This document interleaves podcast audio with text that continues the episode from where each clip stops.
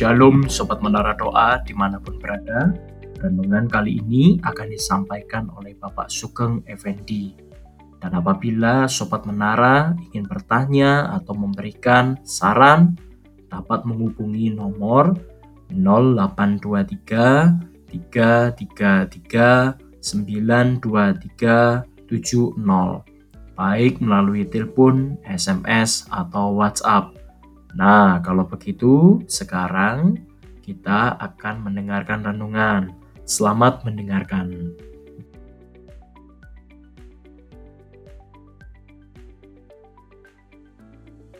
Shalom, sobat menara yang dikasihi oleh Tuhan.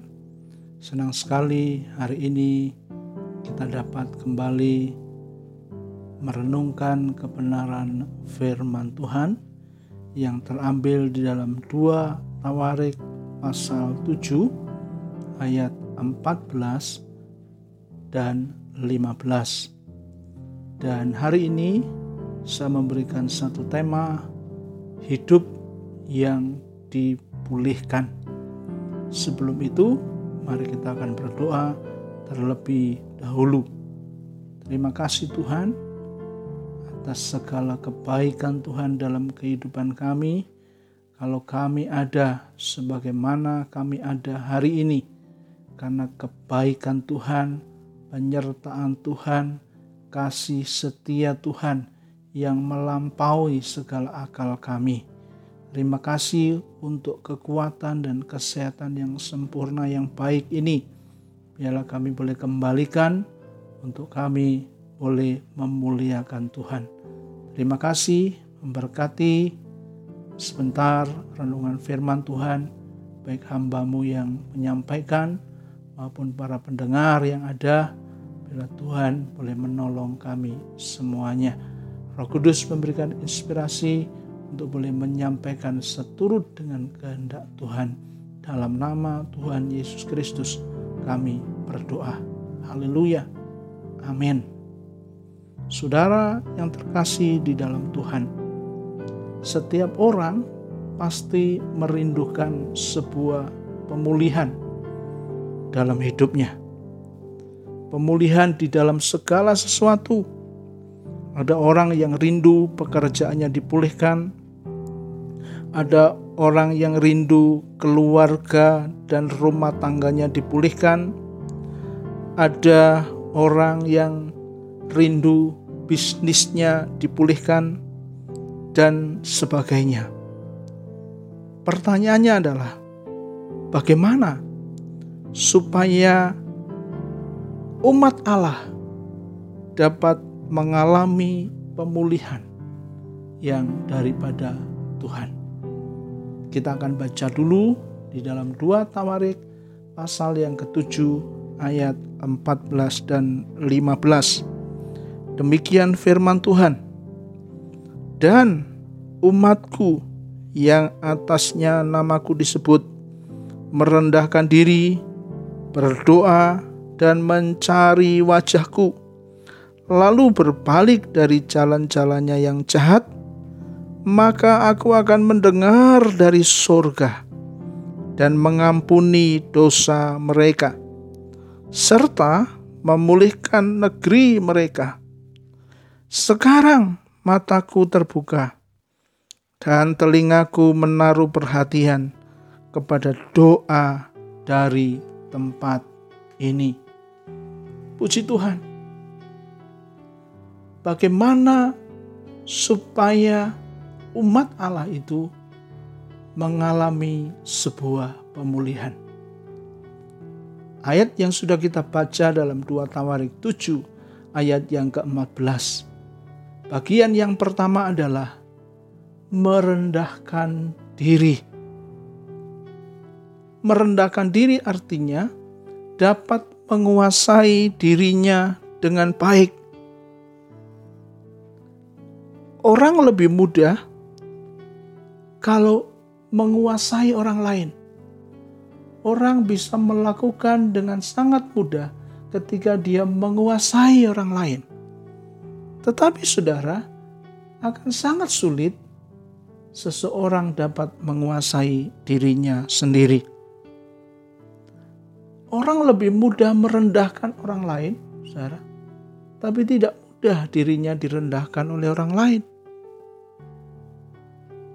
Mengakui segala kekurangan, saudara-saudara, dan kelemahan kita itu tidak mudah. Belajar merendahkan diri adalah mampu dan berani mengakui segala kekurangan dan kelemahan. Tidak menyombongkan diri, tidak menunjukkan kemampuan kita, tidak menunjukkan kepiawaian kita, lalu kita seolah-olah berdiri di atas orang lain.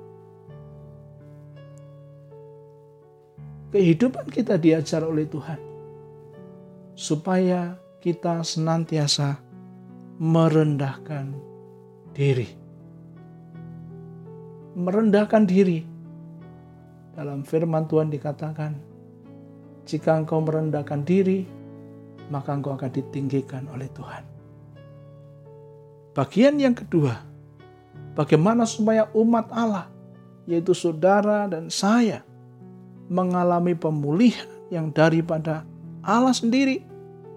Yang kedua, di ayat 14 itu berdoa. Yang pertama merendahkan diri, yang kedua berdoa. Artinya, menjaga jam-jam doa kita dengan baik, menyediakan waktu untuk berdoa itu dengan baik. Doa adalah nafas hidup bagi orang yang percaya. Jangan jemu-jemu untuk kita berdoa. Sekalipun mungkin hari ini pergumulan kita belum terjawab. Sekalipun mungkin hari ini masalah kita belum selesai Sekalipun mungkin pergumulan rumah tangga begitu banyak dan belum ada jawaban yang daripada Tuhan. Tapi jangan jemu-jemu berdoa. Jangan lelah untuk kita berdoa.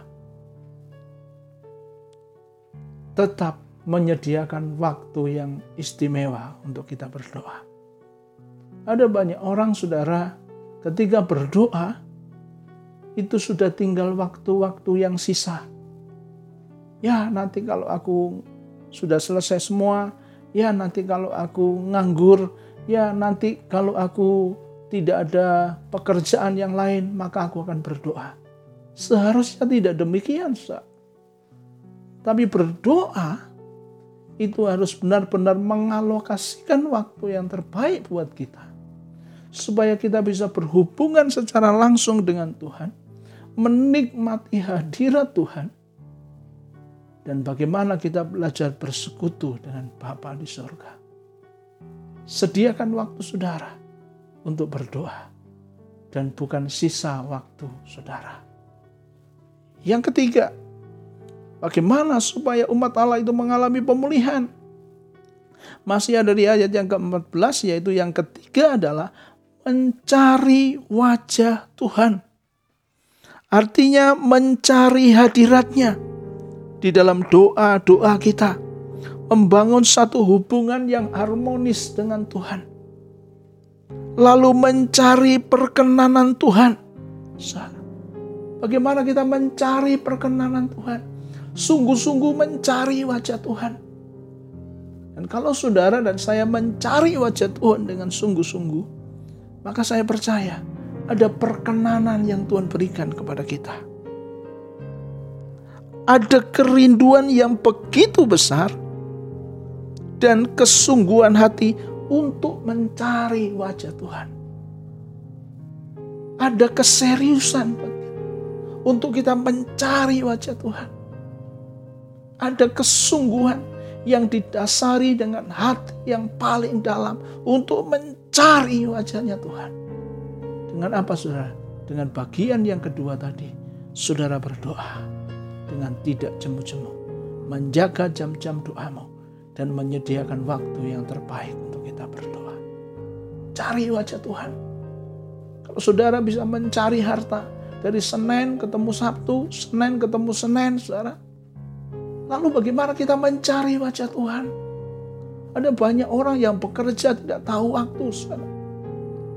Mencari harta benda yang nanti semuanya tidak akan berguna ini pada waktu kita dipanggil pulang. Itu orang mencari dengan sungguh-sungguh.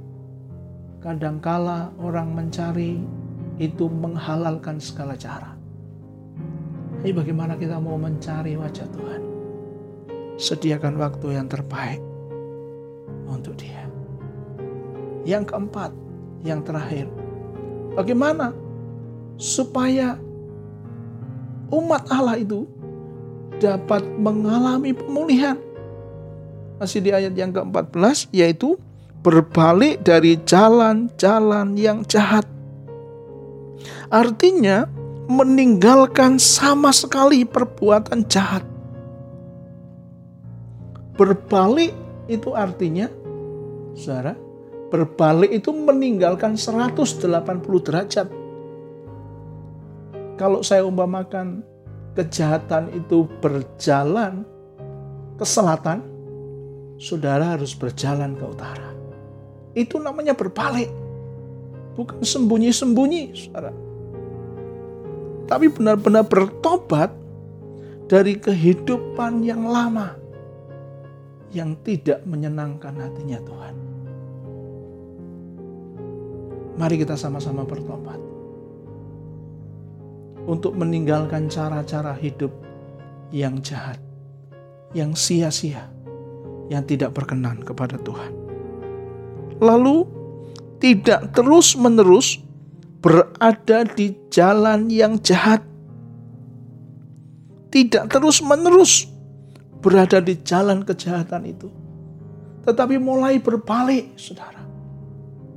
Dari cara hidup yang jahat itu. Dan menuju kepada satu kehidupan yang baru. Bersama-sama dengan Bapa di sorga. Bagaimana supaya umat Allah itu dapat mengalami pemulihan yang daripada Tuhan. Yang pertama, engkau harus merendahkan diri. Yang kedua, engkau harus berdoa. Yang ketiga, engkau harus mencari wajah Tuhan dengan sungguh-sungguh. Dan yang keempat, engkau harus berbalik dari jalan-jalanmu yang jahat. Kiranya renungan firman Tuhan ini akan menuntun langkah kehidupan kita supaya hubungan kita dengan Tuhan bisa terjalin dengan harmonis. Tuhan Yesus memberkati kita sekalian. Mari kita berdoa. Terima kasih Tuhan. Sungguh kau baik.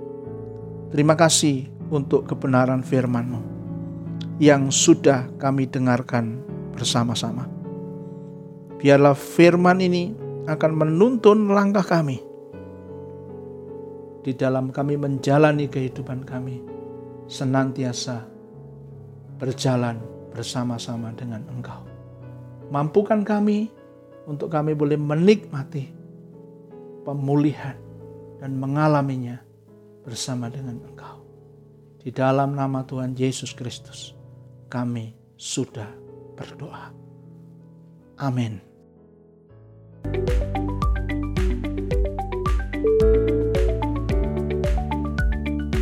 Terima kasih Sobat Menara Doa yang telah mendengarkan renungan kami.